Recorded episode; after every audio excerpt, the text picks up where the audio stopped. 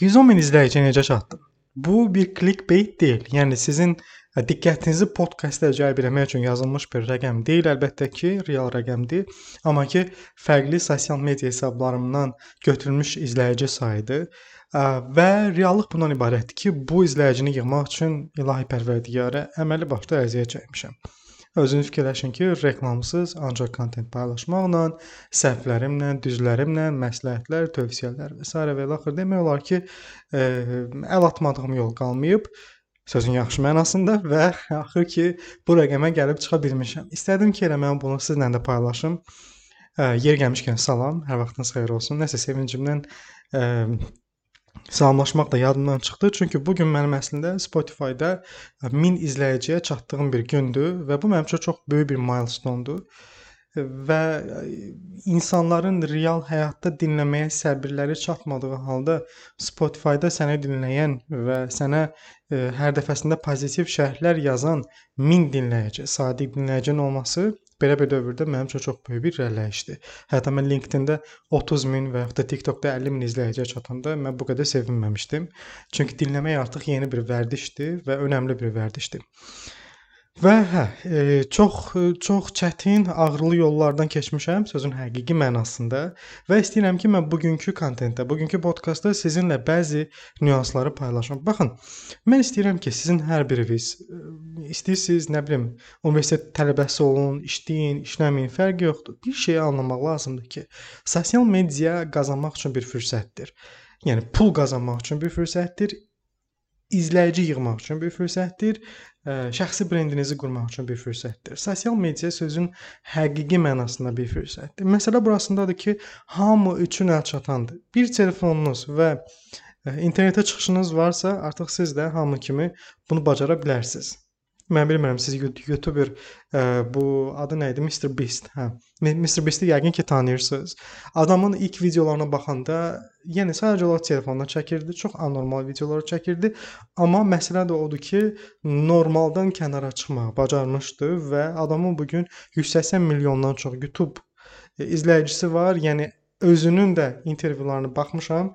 Deyir ki, hər videolarına ən azından 1 milyon, 2 milyon pul ayırır sadəcə olaraq videonun çəkilişinə.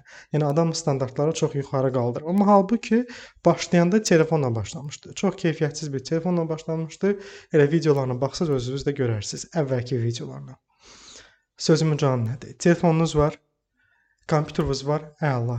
İnternetə çıxışınız var, əla. Sosial mediaya, media sizin üçün artıq əlçatandır deməkdir və sosial mediadan strateji olaraq istifadə edib qazana bilərsiniz və bu ödənişsizdir. Yəni mən bu 110 min izləyicini ödənişsiz olaraq qazanmışam. Yəni sadəcə olaraq mütəmadi şəkildə mütəmadi şəkildə kontentlər paylaşaraq insanların diqqətini cəlb edərək. Bu dəqiqə sosial medianın ən önəmli valyutası, ən önəmli məzənnəsi izləyici diqqətidir izləyicinin diqqətidir. İzləyicinin diqqətini ala bilsən, yəni sən ona kontentini satırsan, o da onun müqabilində sənə ə, öz diqqətini ayırır, saatını və dəqiqəsini ayırır. Bax bu bu dəqiqə sosial medianın ən önəmli valyutasıdır. Bunu ola bilsəz əgər izləyici sizin sadiq izləyicinizə çevrilsə, artıq o ə, sözün həqiqi mənasında sizə yardım etməyə hazır olacaq. Mən bunu hardan görürəm? Məsəl üçün Instagram e, izləyicilərindən sadiq izləyicilər var əlbəttə ki, və mən hər dəfəsində satış təlimi elan eləyəndə, hər dəfəsində seminar elan eləyəndə, görüş elan eləyəndə o yoldaşlar həmişə gəlirlər. Baxmayaraq ki, artıq bir neçə dəfə seminarımda olublar, baxmayaraq ki, bir neçə dəfə təlimimdə olublar. Onlar artıq mənim sadiq izləyicilərimdir. Sosial media aləmin bir üzvü. Sosial media ailəsinin bir üzvüdür. Ona görə də bunu mütləq e, diqqətə almalısınız. Geniş auditoriyaya çatmaq çox asandır. Baxın, ə, Facebook və Instagram demək olar ki, müəyyən qədər yetkinləşib, amma ki TikTokdur, LinkedIn-dir və Facebook page-dir. Facebook hesabı yox, Facebook page-idir. Bu 3 platformada rahatlıqla, hə, eyni zamanda YouTube Shorts. Bu 4 platformada rahatlıqla geniş auditoriyaya çata bilərsiniz və bir maraqlı kontentlə. Çox qəribədir yox. Adam oturub fikirləşir, mən hələ də oturub baxanda mənim özümə də qəribə gəlir. TikTokda Mən əvvəl tamam fərqli mövzularda paylaşırdım. Biraz ingilis dilində paylaşdım, biraz gülməli, e, biraz maarifləndirici kontentlər paylaşırdım e, və izləyici də gəlirdi. Amma ki bir müddət bir müddətdən sonra satışa keçdim tamamilə və o köhnə kontentlərimin hamısını sildim. E, və mənə mənə deyirdilər və eyni zamanda özüm də fikirləşirdim ki, satışla bağlı TikTokda paylaşsam yəqin maraqsız olar. Amma baxdım ki, videolarımın biri 300 mini keçdi, 300 min izləməni keçdi. Biri 200 min, biri 150 min, 150 min keçənlərin sayı çoxaldı və anladım ki, hər məhsulun öz alıcısı var və bu cəmi cümlətamiz bir kontentlə baş verən bir şey idi. Yəni bir kontent paylaşırsınız axşam, səhər durub görürsüz ki, 300 min 300 min izləməni keçib və o kontent sənə 5000, 6000 izləyici gətirirdi və onun da içərisində sənin təliminə qoşulan insanlar olur. Mən sizə hər şeyi olduğu kimi demək istəyirəm ki, əgər siz sosial mediada aktiv deyilsinizsə, aktivləşəsiniz. Çünki bunun üzərində həyatınızı qurmağınız mümkündür. Baxın, Instagrama girin, baxın. E, yəni fərqlər var ki, adam heç nə eləmir, sadəcə olaraq lifestyle, yəni gündəlik həyatı ilə bağlı paylaşımlar eləyir, gaming ilə bağlı pay paylaşımlar eləyir. Baxırsınız ki, izləyiciləri çoxdur və adam influencerlik əməkdaşlığı eləyir. Hər məhsulun öz alıcısı var, elədirmi? Yəni lifestyle kontenti çəkən bir biri e, mən əminəm ki, fərqli şirkətlər üçün maraqlı ola bilər. Geyim şirkətləri üçün maraqlı ola bilər, qida şirkətləri üçün maraqlı ola bilər. E, məsəl üçün kosmetika şirkətləri üçün maraqlı ola bilər və bu insan gedir çox gözəl də bir pul müqabilində, məbləğin müqabilində e, influencerlik eləyir. Onların məhsulunu paylaşır və qazanır. Heç nə eləmədən adam tələbədir sadəcə olaraq. Və çox qazanır. Eyni zamanda sosial mediada paylaşımlar eləyərək, auditoriya yığaraq öz şəxsi brendini yaratmış insanlar var. Artıq o adamların adı çəkiləndə çox insan onu tanıyır. Nəyə görə? İllər öncə başlayıblar və bu günə qədər mütəmadi şəkildə fayda qatmağa davam edirlər.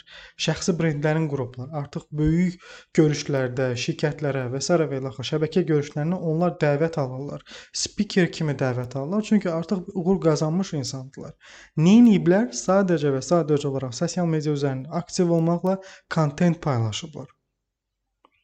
Yenə də mən sizə deyirəm, bunların hamısı ödənişsizdir. Düzdür, ödənişsiz o demək deyil ki, asandır. Asan deyil. Zaman sərf eləməlisiniz, enerji sərf eləməlisiniz, baş sındırmalısınız, amma ki, eləyə bilərsiniz heç kimin dəstəyi olmadan özünüz baş çıxardaraqdan. Mən eləmişəm, siz də eləyə bilərsiniz və inanıram ki, əgər mən eləyə bilərəmsə, istənilən bir şəxs eləyə bilər və Sosial media üzərində uğur qazanmaq adlı bir başlığım olsaydı, onun üçün nə tələb olunur deyə fikirləşsəm, yəqin ki, bunları eləyərdim və ya da bunları qeyd edərdim. Kontent paylaşmaq, amma strateji kontentlər paylaşmaq. Baxın, bəzən deyirlər ki, sosial media üzərində sevdiyin mövzularda paylaşım eləməlisən.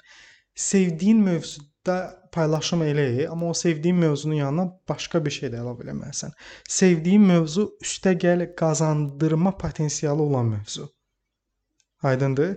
Yəni ə, elə elə bir mövzunu paylaşmalısan ki, sən oturub fikirləşəsən ki, qardaş, mən bunu paylaşdım. 3 ildən sonra artıq mən bu mövzunu paylaşan bir insan kimi tanınacağam. Hansı şirkətlərin diqqətini cəlb edə bilərəm? Hansı istiqamət üzrə mən əməkdaşlıq alma, əməkdaşlıq təklifi alma potensialım var? Kimlər mənə müraciət edə bilər bununla bağlı? Mən bu istiqamətdə öz biznesimi nə zamansa qura bilərəmmi? Məsələ bundan ibarətdir. Bu suallara əgər hə deyə bilirsinizsə, suallara cavabınız varsa, o zaman mövzunu paylaşa bilərsiniz. Yox, əgər sırf sevdiyiniz mövzudur və sizə qazandırmayacaqsa, baxın, e, indi siz sosial mediaya vaxt ayırırsınız, enerji ayırırsınız da, elədirmi? Baş sındırırsınız. Bu nə zamansa sizə qayıtmalıdır. Əgər nə zamansa sizə qayıtmayacaq və belə e, sizə qazandırmayacaq bir mövzu paylaşırsınızsa, bu vaxt itkisindən başqa heç nə olmayacaq. Strateji yanaşmağınız şərtdir. Mövzularınızı qeyd eləyin və oturub analiz eləyin ki, hansı mövzu mənim üçün maraqlıdır, eyni zamanda mənə qazandıra bilər. Bax, o mövzunu paylaşın. Mütəmadi, ikinci nüans, mütəmadi şəkildə kontent paylaşın. Mütəmadi dediyimdə hər gün olması şərt deyil, amma ki, e, yəni müəyyən zaman aralığı ilə, amma daimi olması şərtdir. Əvvəl Instagram idi, LinkedIn idi, TikTok idi. Hər gün paylaşım yaxşı idi. Hər gün paylaşım bir növ şərt idi. Amma indi sosial media onu istəmir. Sosial media deyir ki, keyfiyyətli kontent paylaş, amma daimi mütəmadilik olsun sənin kontent paylaşımında. Hər gün paylaşmasan da olar, amma keyfiyyətli olsun. Aydındır? Yəni keyfiyyətli kontentlə qabağa getmək demək olar ki, qaçınılmazdır. Keyfiyyətli kontent paylaşsaz, insanlar sizi izləyəcəklər mütləq. E, sosial media insanların həyatını dəyişib, mənim həyatımı dəyişib və mən inanıram ki, sizin də həyatınızı dəyişə bilər və son olaraq üçüncü nüans ondan ibarətdir ki, e, çalışın ki, yalnız bir platformada aktiv olmayın. Bunu mən eşidəndə xarici podkastların birinə qulaq asırdım illər öncə. Bunu eşidəndə demək olar ki, mənim fikrim tamamilə dəyişdi.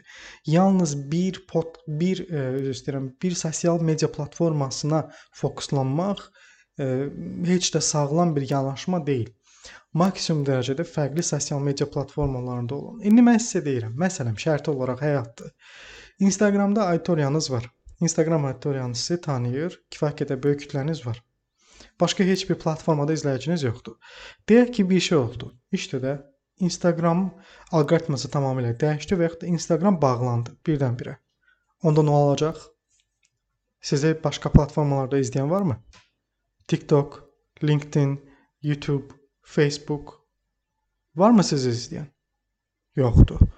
Və siz bir auditoriyada geniş kütləniz varsa, onu başqa platformalarda yaymağı bacarmalısınız. Çünki unutmayın ki, hər platformanın özünün auditoriyası var.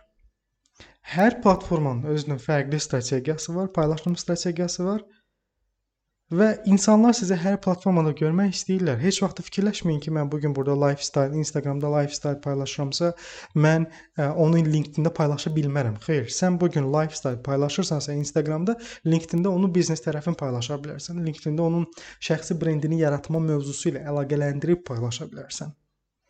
Hər platformaya uyğunlaşdıra bilərsən və mənim ən gözəl strategiyalarımdan biri də ən rahatı deyərdim sizə. Bunu da deyirəm, yekunlaşdırıram.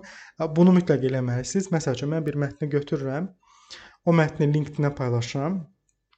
Həmin o mətni video kontent halına gətirib ə, e, atıram YouTube Shorts-a, Instagram Reels-ə və ya da TikTok-a və həmin o mətnin daha geniş formasını isə məqalə şəklində LinkedIn artikeldə paylaşıram. Bir kontentdən nə qədər kontent çıxarda bilirəm və yaxud da bir məqalə yazıram, o məqaləni video kontent halına gətirirəm, böyük video olursa YouTube-a atıram, onu hissə şəklində, hissəli şəkildə paylaşıram.